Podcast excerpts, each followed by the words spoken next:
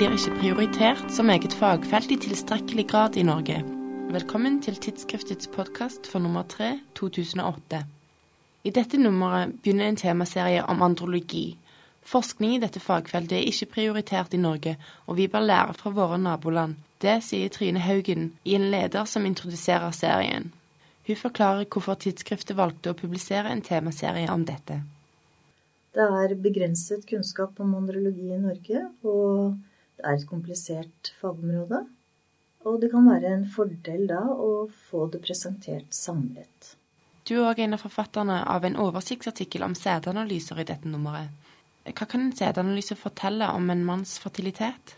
Jeg kan starte med å si at det fins ingen metode som kan forutsi en manns evne til å gjøre en kvinne gravid. Men resultatene fra en sædanalyse kan si noe om sannsynligheten for dette. Og det er studier som viser en sammenheng mellom det sædvariable og graviditet. Det er likevel viktig å fastslå at sædprøve, et sædprøvesvar ikke kan si om en mann er fertil eller ikke. Hvorfor er det vanskelig å standardisere metoder for sædanalyser, og hvorfor er det viktig å gjøre det? Ja, For det første er det celler som beveger seg. Så det i seg selv kan være en utfordring for de metodene hvor det skal ses på de, de levende cellene, sånn som motilitet eller bevegelighet.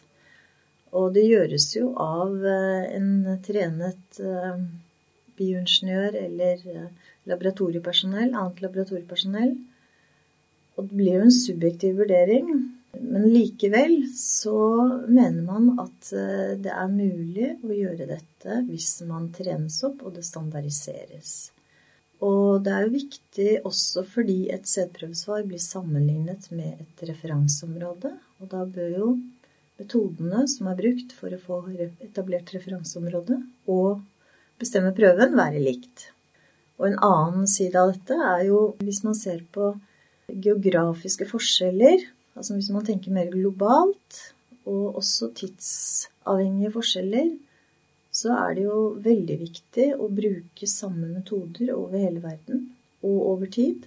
Nettopp for å kunne si noe om disse forskjellene. Som jo er viktig for å se om det kan være ting som gjør at det endrer seg. Hvilke diagnoser kan bestemmes direkte med en slik analyse? Ja, det er ikke mye som kan komme direkte. Altså dette må ses i sammenheng med resten av den kliniske historien.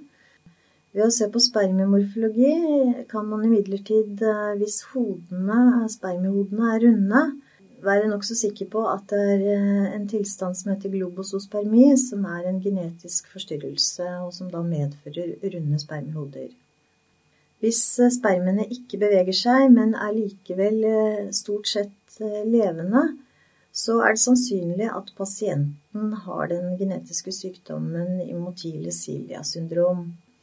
Hvis det er eh, få eller ingen spermer i sædprøven, så kan dette skyldes mange tilstander. Både endokrinologiske, obstruksjon og andre eh, genetiske forhold. Og det er da viktig å se hele sykehistorien samlet. Er menn opptatt av sin reproduktive helse? Ja, det er et godt spørsmål. Jeg tror de er det. Selv om det er eh, kvinnen som stort sett tar kontakt med laboratoriet, med lege, ved mistanke om infertilitet, og som styrer prosessen mye. Likevel så tror vi vel at mannen er opptatt av det, og kanskje også Eh, utenom det aspektet med å bli gravid eller ikke, eller gjøre en kvinne gravid eller ikke. Fordi vi gjorde en studie hvor vi så på sædkvalitet hos fruktbare menn som nettopp hadde gjort sin kvinne gravid.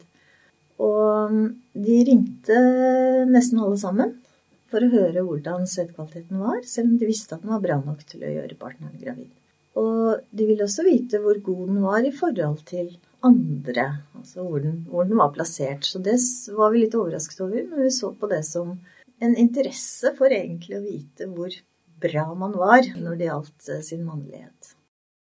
Hvor har andrologi fått lite oppmerksomhet historisk sett?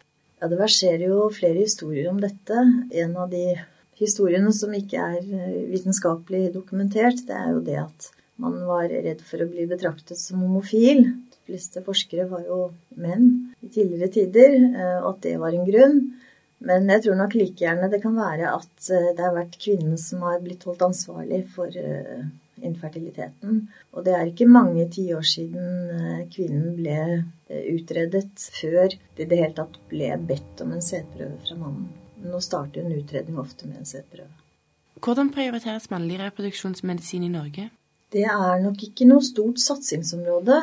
Det er selvsagt noen miljøer hvor det er kompetanse. Og det kommer også an på hvilket, hvilken del av andrologien vi snakker om. Men det kan være betegnende at sædlaboratorier er lokalisert i kvinne-barn-avdelinger. Mens det i nabolandene våre så er det flere store sentre hvor det utelukkende dreier seg om mannen, hvor det er en tverrfaglig kompetanse, samarbeid. Og selvsagt samarbeid også med fertilitetsenhetene, men hvor det ses mer helhetlig på mannen. Du kan lese mer om dette i temaserien om andrologi. Takk for at du hørte på Tidsskriftets podkast.